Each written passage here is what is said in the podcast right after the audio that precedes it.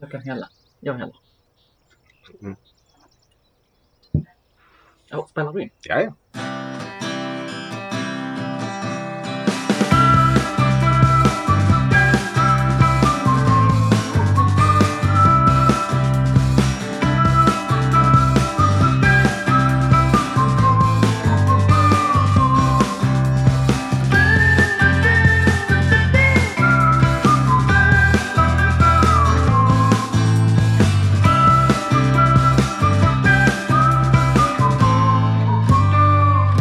Grundat snack. Med Petra. Och med Johan.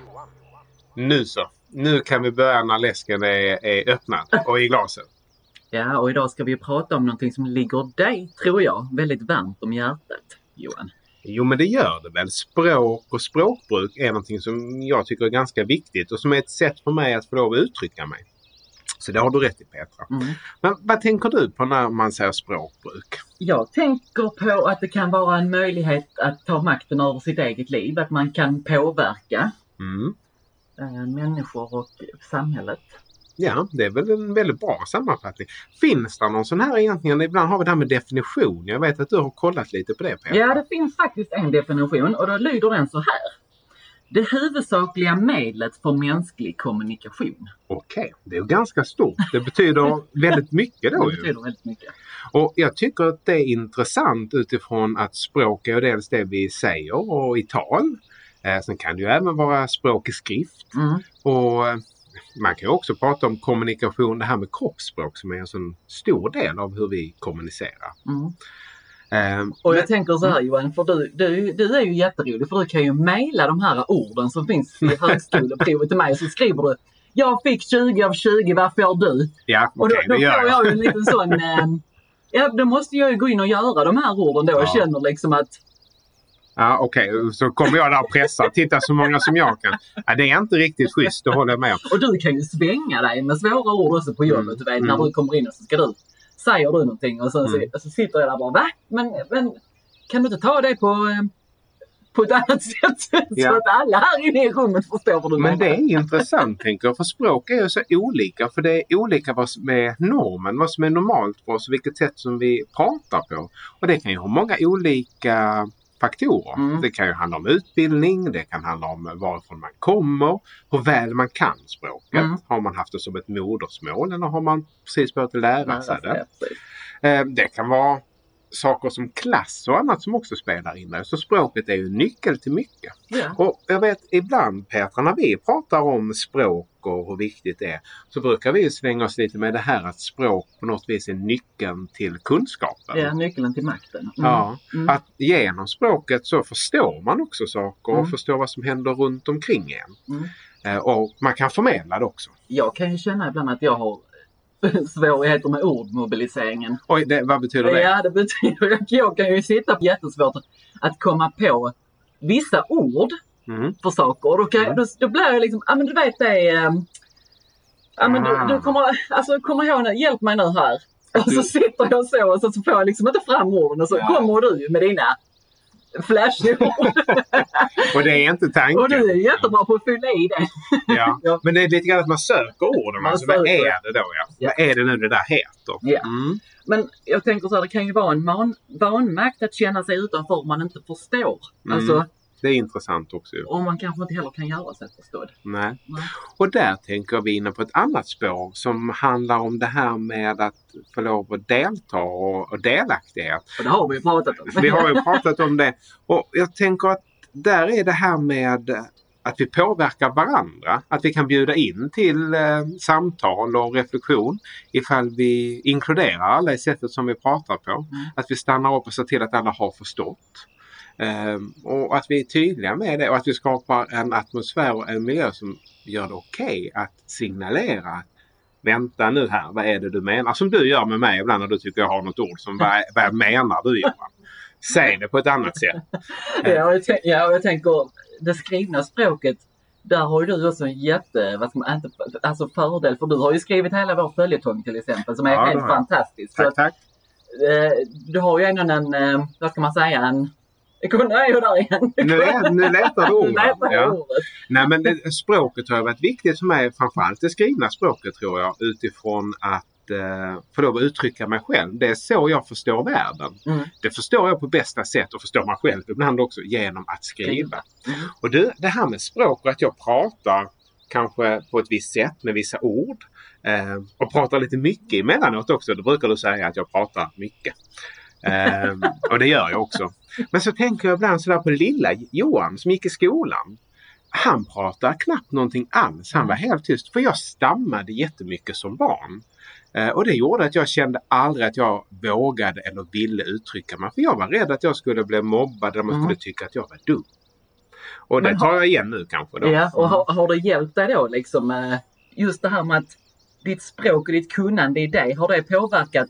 Var det det som gjorde att du liksom kände att nu, jag stammar inte längre? På två sätt tror jag. Det ena sättet är det skrivna språket har jag alltid haft. Det har jag alltid tyckt var min lilla räddning. så. Eh, Jag var kanske också, eller det var jag, eh, lite småmobbad emellanåt. Fick inte vara med i alla sammanhang.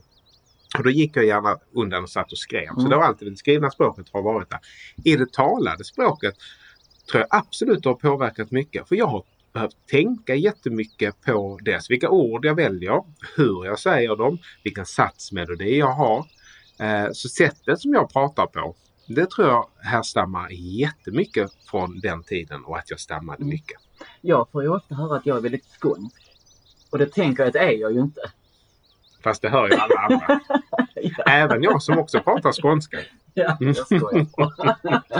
Jag har också filosoferat lite kring det här som eh, veckans gäst pratade om. Eh, Hanna Hellqvist. Mm. Hon pratar ju om eh, språket och hur man uppfattar sig ifall man svär mycket. Ja, och hon pratar ju kring det som att det är att förstärka någonting. Ja. Ett förstärkningsord. Ett förstärkningsord och inte för att man saknar en massa ord. Nej. Och jag, jag gillar ju henne och jag kan ju känna lite med henne att det här med att svära är ju, är ju lite grann någonting som jag känner väldigt mycket för. Jag kan tycka det är lite roligt att svära. Ja, och att det kan vara någonting som faktiskt förstärker. Men, och något som jag också tänker är klokt då, det är det här att tänka på att språk är olika beroende på vilken arena man befinner sig i. Är man kanske i en arbetssituation, På jobbet, ja. ja, då kanske man inte ska svära så mycket. Är man i skolan kanske man måste tänka på eh, vad man säger. Och när man är hemma, jag vet inte hur det är med dig Petra, men för mig så är det ganska olika vilket typ av språk som jag har beroende på var jag är. Ja. Är jag hemma pratar jag på, ett visst sätt med Mm. familj och med kompisar. Eh, I jobbsammanhang lite på ett annat. Och lite när vi spelar in podd, då ändrar vi också lite. Eller hur? Eller hur? Så är det. Eh, men det ska ju bli jättespännande att höra lite mer vad veckans gäst har att säga. Och hon kommer här.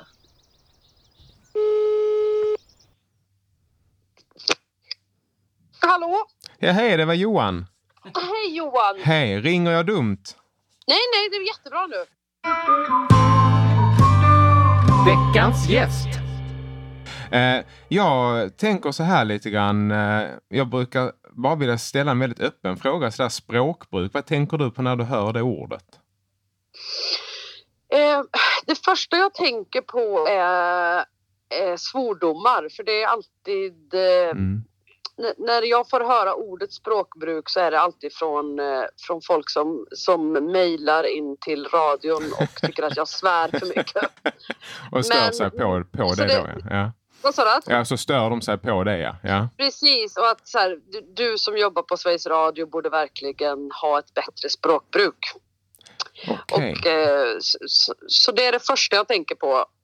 Ja. Eh, och eh, det jag tänker, alltså nästa sak som, som följer då i det, i det tankemönstret eller vad man ska säga. Mhm. Först tänker jag på att jag får alla de här mejlen och sen tänker jag på att eh, jag tycker jag har ett ganska bra språkbruk. Mm. Så det är vad jag tänker på när jag hör ordet språkbruk. Kan det vara något bekymmer i det då? Att man använder mycket svordomar? Ehm, jag tycker det är en väldig skillnad på att använda svordomar för att förstärka någonting Mm. och att säga du din jävel eller, eller, till exempel, eller Ja. kränkande ord som du säger att liksom kalla någon för hora Ja, eller För det är ju jättevanligt vad det nu säga. kan vara. Ja. det tycker jag det, det, är en väl, det är stor skillnad tycker jag. Eh, jag. Jag har ju inget emot svordomar. Nej. Jag tycker ju inte att eh,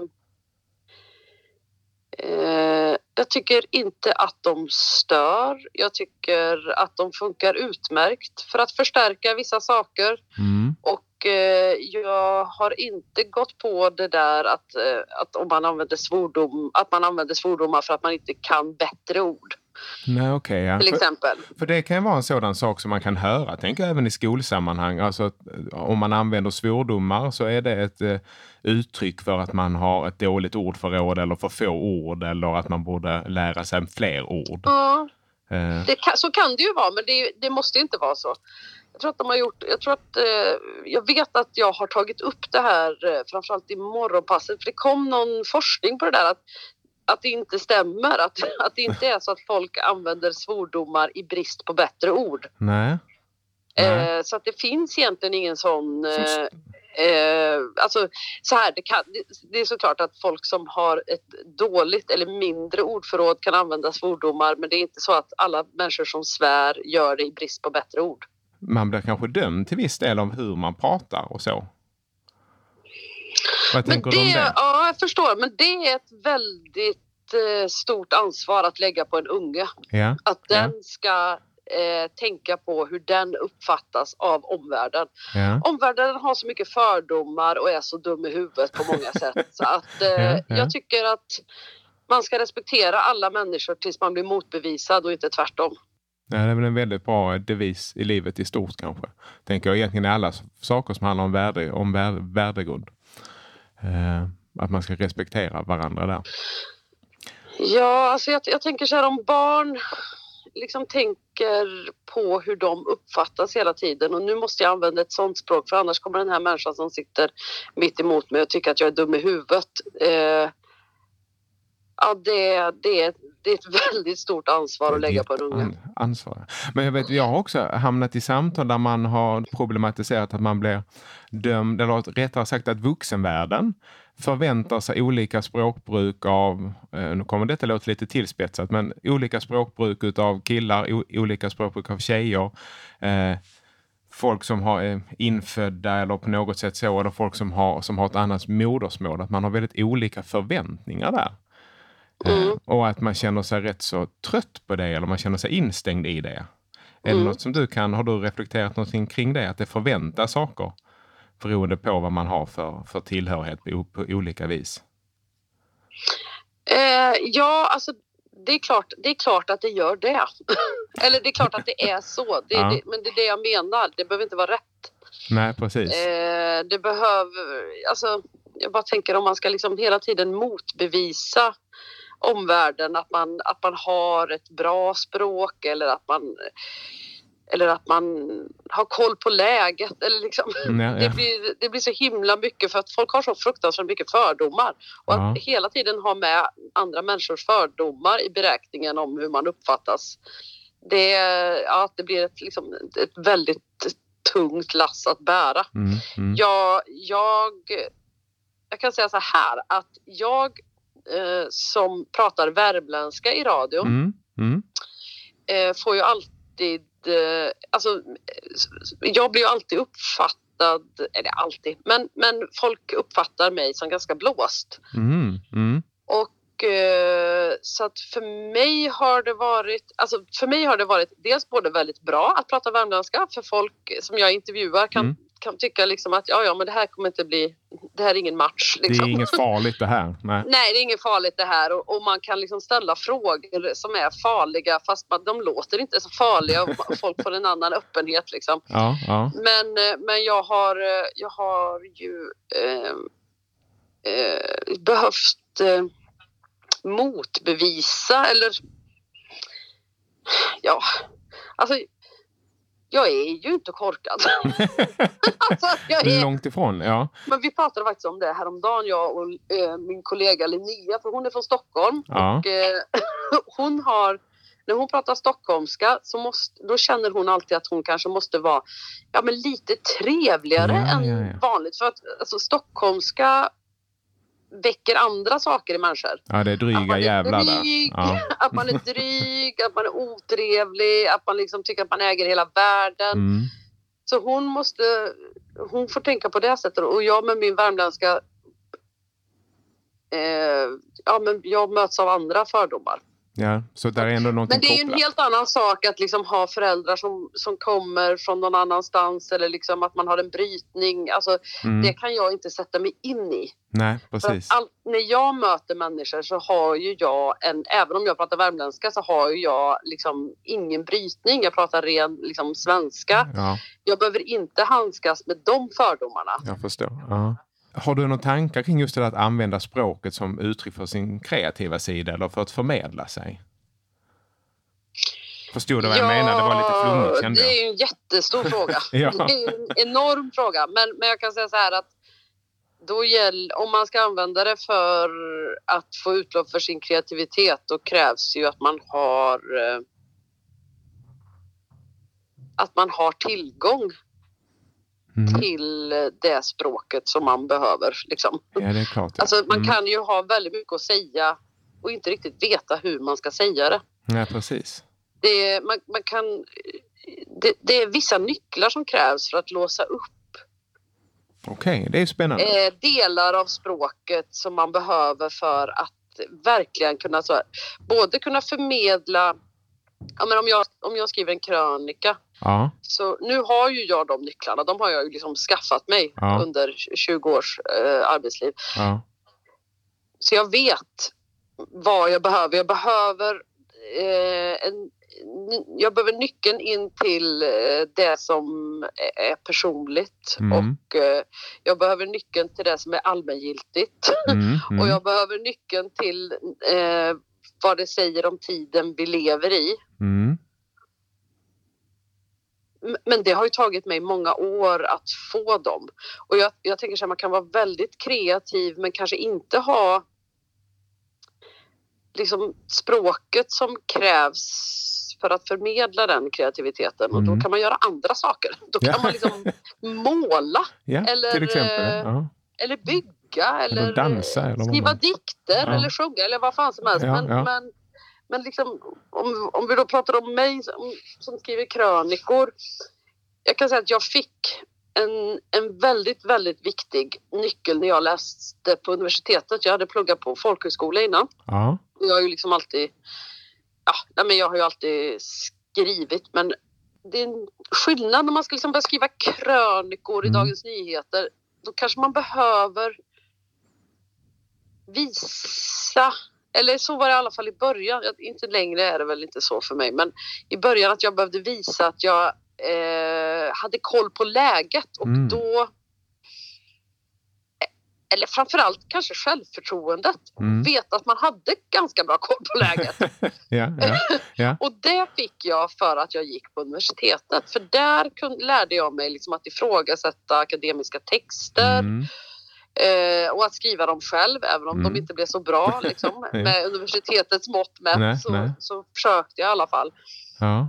Och det gjorde jättemycket för mitt självförtroende att liksom våga ta på mig de eh, ta på mig det, det uppdraget att Mm. skriva krönikor i DN. Så. Mm, mm.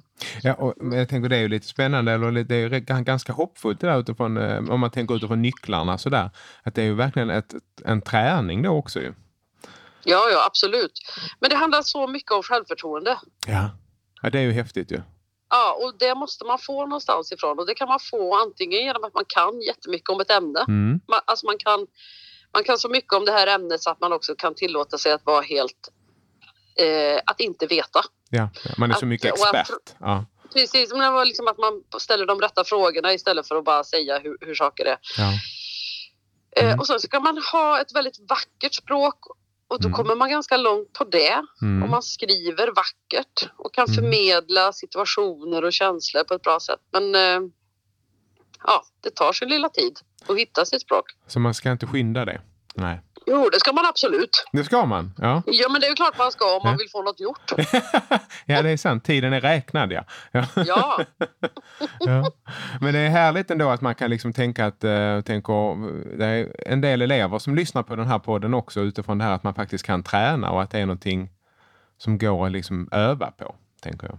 De här nycklarna som du pratar om. ja absolut. Och eh, i och för sig, det, du kanske har rätt där. Alltså, vissa saker kanske man inte kan eh, stressa fram det. Nej. finns en viss mognad som, som krävs. Ja, ja, ja. eh, eh, beroende på liksom vilka ämnen man ska avhandla. Men, men det finns en, alltså, jag bara tänker de texterna jag skrev när jag var 16, 17, 18, alltså Mm. när jag var så bombsäker på att jag förstod hur världen såg ut Ja, och varför.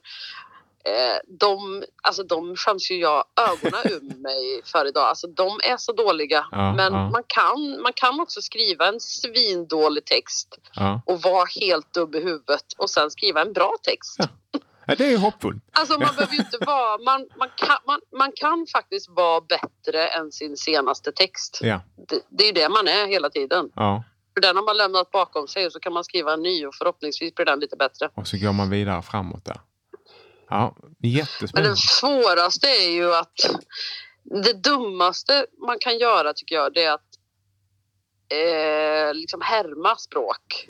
Att Okej. härma, om man har liksom en favoritförfattare eller man har en favorit, man kan inspireras och liksom se, jaha nu har hon gjort så och Mm. hon använder sig av de orden. Mm. Men att, att plagiera och härma och, och inte äga sitt eget språk Mm. Om man vill skriva en text som faktiskt eh, ska nå människor. Mm. Då, det, det blir svårt. Så Man måste bottna i sitt eget språk då. Och våga vara sig själv i det där. Ja. Ja. Veckans snabba. Staden eller landet? Eh, nej men det är både och faktiskt. Det går inte att välja. Milano-pinnar eller Coca-Cola Zero? Nej, det är både och där med. Eller för sig, jag, jag dricker mer Cola Zero än vad jag äter Milanopinnar. Så att jag, jag får ta Cola. Vem saknar du mest när du är på arbetet? Är det hönsen eller hunden? Jag saknar ingen när jag är på arbetet. Då har jag fullt upp med mitt jobb. Kaffe eller te? Kaffe? Bada i pool eller hav? Pool? Nej, hav. Skor eller barfota? Skor? Du, tusen tack igen. Det betyder mycket både för podden och för personligt här. Du, det var det lilla. Jag är jätteglad att jag kunde hjälpa till. Tusen tack du. Ha en jättefin dag nu. Detsamma. Ha det Hej då. bra. Hej då. Hej hej! Hej. Hej. Fan vilken härlig intervju. Man blir ju helt pepp på att börja svära. Ja, och just för att faktiskt förstärka sina uttryck. Äh, Det var många spännande tankar och eh, funderingar som Hanna hade. Verkligen. Ja, vilken kvinna. Exakt så. Eh, Men du eh, Petra, är det dags för följetongen nu? Det tycker jag absolut. Och idag blir det ju avsnitt nummer två. Av, eh, vad heter den? Den heter Vi kommer alltid tillbaka. Då kör vi. Kapitel 2. Inte längre främmanden. Ibland kan saker kännas som en förlängning av en själv. Som om det inte fanns något stopp mellan saken och den egna kroppen. Det är sannoliken inte så för alla alltid, men eh, vissa personer har förmågan att från födseln växa så pass mycket att deras kroppar får tillökning. Det kan vara en målare som håller sin pensel lika naturligt som ett finger. En eh, författare som skriver sina ord lika självklart som den går. Eller en musiker som behandlar sitt instrument med eh, samma vana som om det var den egna kinden som ströks. Mer intressant i den här berättelsen är att det också kan vara en fotbollsspelare. En eh, fotbollsspelare som är i total samklang med sin sport och som efter tusentals timmars träning till sist växer ihop med bollen. Det finns efter alla dessa timmar av träning ingen riktig gräns mellan var fotbollsspelaren eller fotbollen börjar eller slutar. Gränsen har inte upphört att existera för fotbollsspelaren vill det, utan för att den måste. Exakt så kände Ali. Han spelade fotboll för att han måste. Utan fotbollen mådde han inte bra. Utan utmaningen i att göra bollen och spelet till sitt saknade han mening i sitt liv. Nu stod han och övade skott mot en tom målbur. Inte för att han ville, utan för att han måste. Grusplanen rev under hans skor när han slog till bollen och gruskornen ekade under hans steg när han sprang för att hämta tillbaks den. Om man hade passerat honom denna sensommardag hade ensamheten varit påtaglig. Man hade sett en ensam kille på en ödslig fotbollsplan.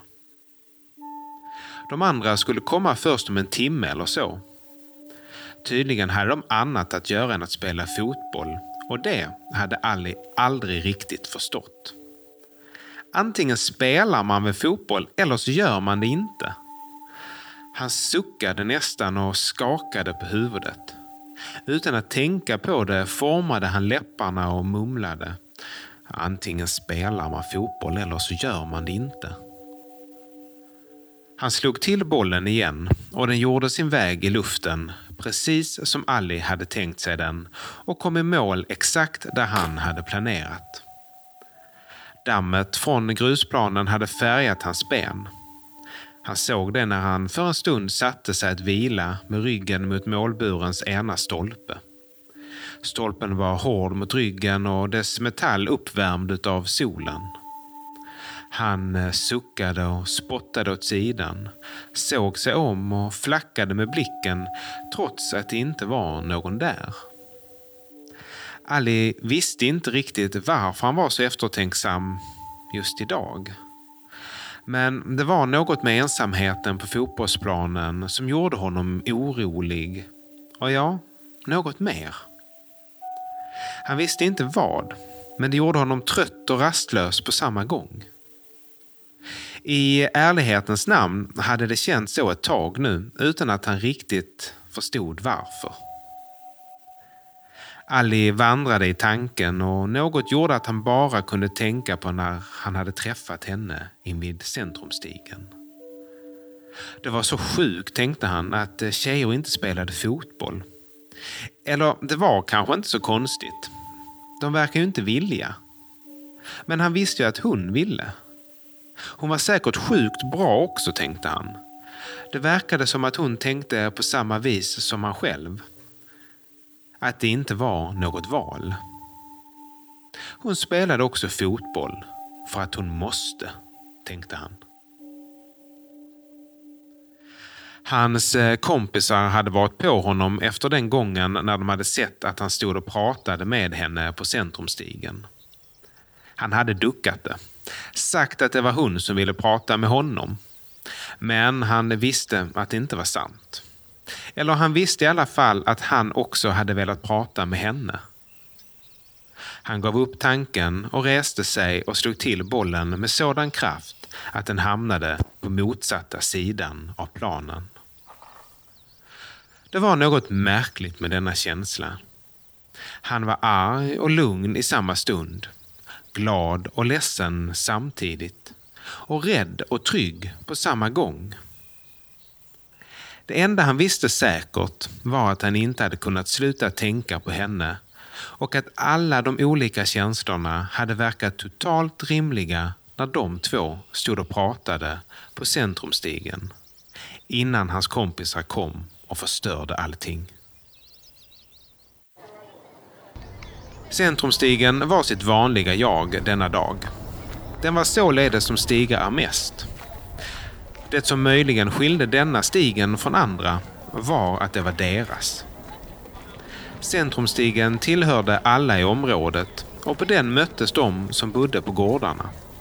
Unga som gamla, de som hade flyttat in när husen var nybyggda och de som just hade kommit. Det var sällsynt med besökare på stigen. Hon var säker på att hon skulle kunna känna igen en besökare på flera meters avstånd när hon nu gick tillsammans med sin bror på väg tillbaka hem efter att ha köpt godis, chips och läsk till kvällens filmmaraton. Det var inte hon som först uppmärksammade vad som hade hänt utan det var hennes bror Hampus. Precis där centrumstigen gjorde en sväng för att inte krocka med gröningens gräs låg en tant med en matkasse tappad sidan om sig och en krycka som verkade ha åkt åt sidan när hon föll. Hon hann tänka, lever hon? Men innan hon hann formulera orden var Hampus redan på väg bort till tanten för att se om hon behövde hjälp. Hej, eh, hur mår du? Behöver du hjälp?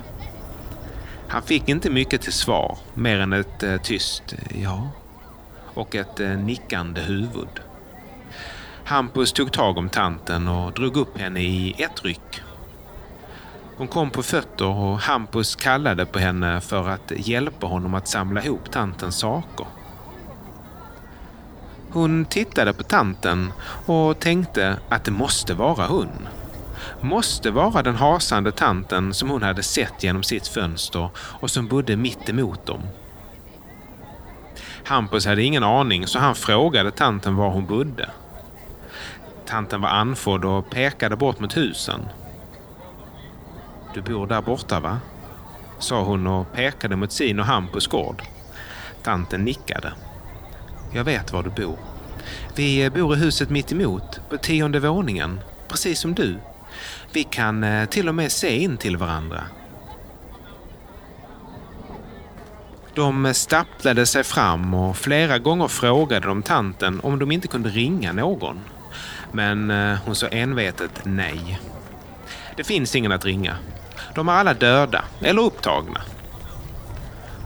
De hjälpte henne fram till porten när de såg att tanten inte klarade av att öppna porten samtidigt som hon skulle ha koll på matkassen och kryckan erbjöd de sig att hjälpa henne upp.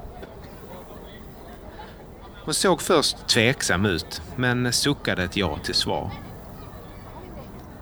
I lägenheten hade tiden stannat.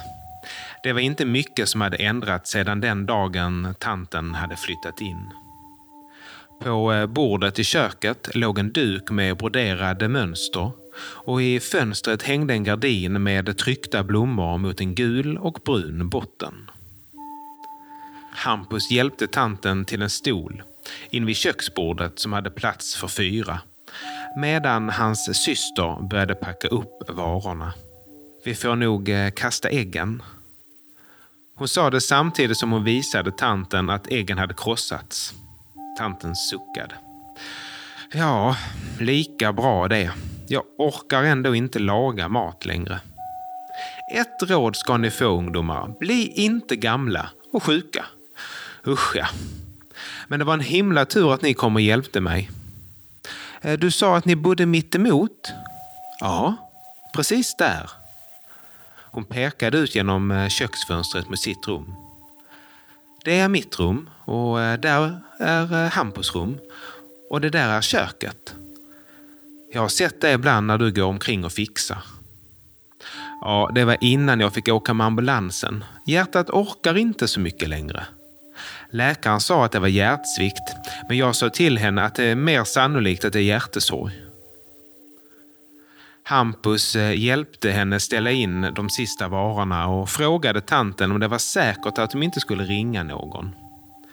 Tanten fortsatte att säga nej, men eh, om ni vill eh, hade ni gärna fått ta fram lite fika. Jag har inte ätit sedan tidigt i morse. Och kaffe. Jag tycker om kaffe. De hjälptes åt att ställa i ordning fikan. Tanten satt på sin plats eh, vid köksbordet och pekade åt Hampus och henne var de kunde hitta saker och gav korta instruktioner om vad och hur de skulle göra. När allt var framdukat tänkte de gå så att tanten fick fika i fred.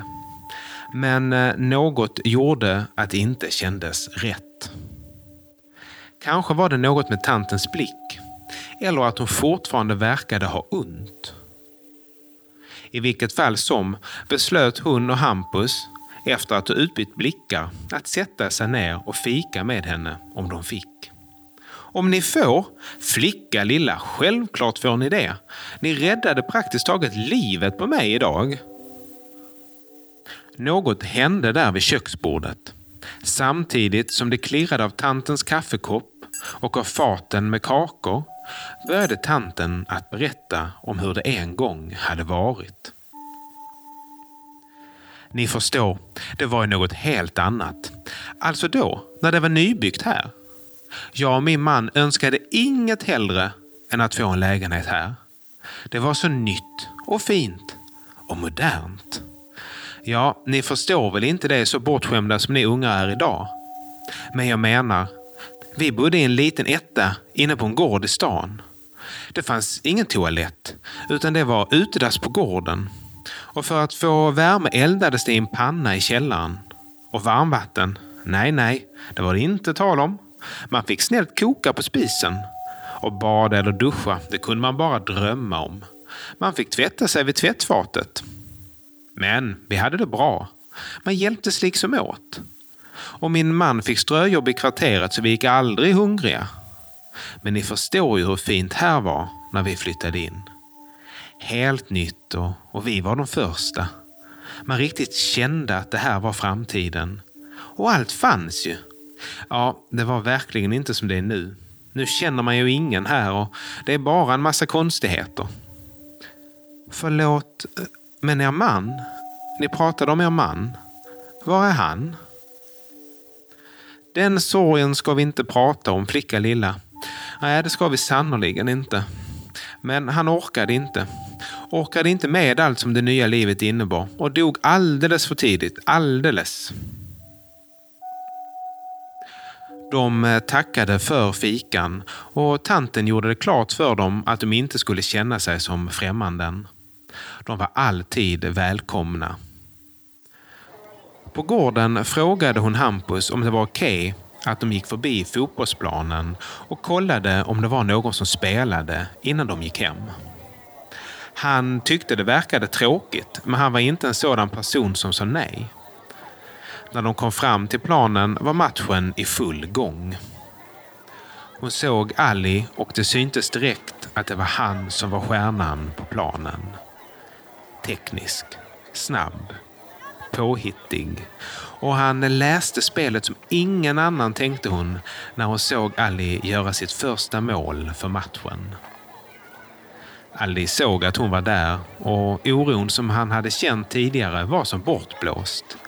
Alla de motstridiga känslorna kändes helt plötsligt rimliga. De såg det inte komma. Varken hon eller Hampus. Tyst från den intilliggande gården hade det vanliga tjejgänget eh, kommit gående mot planen. Pikarna kom direkt. Vad gör ni här? Har ni inte fattat att ingen vill att ni ska stå och glo? En tjej som tror han är någon kille och en äcklig bög. Vilken sjuk familj ni är. Hampus ställde sig framför henne som för att skydda från orden. Det tog en av killarna på planen som ett hot. Hon som hade sagt alla pikar var hans flickvän och nu skulle han skydda henne. Han sprang av planen och bort mot Hampus, knuffade honom mot fotbollsplanens stängsel och skrek åt honom. Hampus stängde av och inväntade det första slaget. Men det kom inte. Innan något mer hann hända började Alice skrika åt alla att lugna sig. Han tog tag i sin lagkompis och puttade bort honom och bad honom att gå in på planen igen. Är du okej? Okay? Han är en idiot ibland. Det märktes att Ali var viktig. Alla lyssnade på honom och ingen sa emot. Han vände sig mot henne också och sa förlåt. De fattar liksom inte. Det är lugnt. Eh, vi ska ändå gå nu. Men tack för att du fick dem att sluta. Han eh, visste inte vad han skulle svara henne, men han log när han mötte hennes blick. Och även om de redan var på väg bort fortsatte han att titta efter henne som om att han redan saknade henne. När eh, matchen var slut och Ali och de andra killarna var på väg hem kom han som hade puttat Hampus fram till Ali. Varför skyddar du en bög? Du vet väl att han är det? Jag såg honom tillsammans med en annan kille på stranden och de var liksom inte bara kompisar. Du hittar på. Du vet inget. Vet tillräckligt, vill inte veta mer. Och hon tjejen, är du kär i henne eller? Hon är sjukt konstig. Säkert bög hon med. Tjejer kan inte vara bögar. Kan de visst. Du är så dum. Ali visste inte vad han skulle göra, så han började skämta med honom istället. Knuffade honom och tråkade honom för att han var långsam på planen. Det fungerade. Ali ville inte riskera det som han hade känt när hon var nära honom. Inte ens för sina lagkamrater. Därför tänkte han att det var säkrast att säga så lite som möjligt. När hon skulle somna den kvällen var det tusen och en tankar som höll henne vaken. Huvudet var fullt av frågor. Varför hade Ali hjälpt dem? Varför var han så snäll mot henne? Förstod han att hon tyckte om honom? Tyckte hon om honom? Var det inte konstigt? Tyckte Ali att hon var konstig? Var hon kanske konstig? Först när hon, utmattad efter alla frågor, hade spelat upp hur Ali hade hållit kvar sin blick i hennes och hur han hade tittat efter henne med samma blick när hon vänt sig om, kunde hon till sist somna. I rummet intill låg Hampus. Han hade inte heller kunnat somna utan satt och skrev i sin dagbok. Hur vet de att jag är bög? Eller, jag menar, jag är inte bög, men hur vet de att, eh, att jag och han, eller de kanske inte vet? Vad är det för fel på mig? Något fel är det ju. Äckliga bög! Jag pallar inte vara äcklig. Är jag äcklig? Innan han somnade tog han pennan och ritade arga streck med det svarta bläcket för att dölja vad han hade skrivit. Även för sig själv.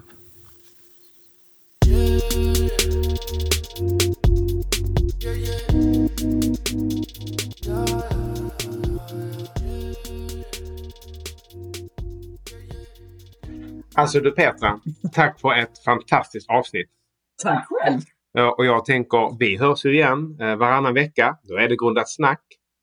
Eh, Om ni inte gör det så gå in och följ oss på sociala medier. Mm. Och prenumerera på podden. Ge gärna betyg också i de stora poddspelarna. Vi vill ju verkligen höra vad man tycker. Desto fler av er som reflekterar kring värdegrund tillsammans, desto bättre. Så till nästa gång som vi hörs igen så vill i alla fall jag säga puss och kram. Hej hej!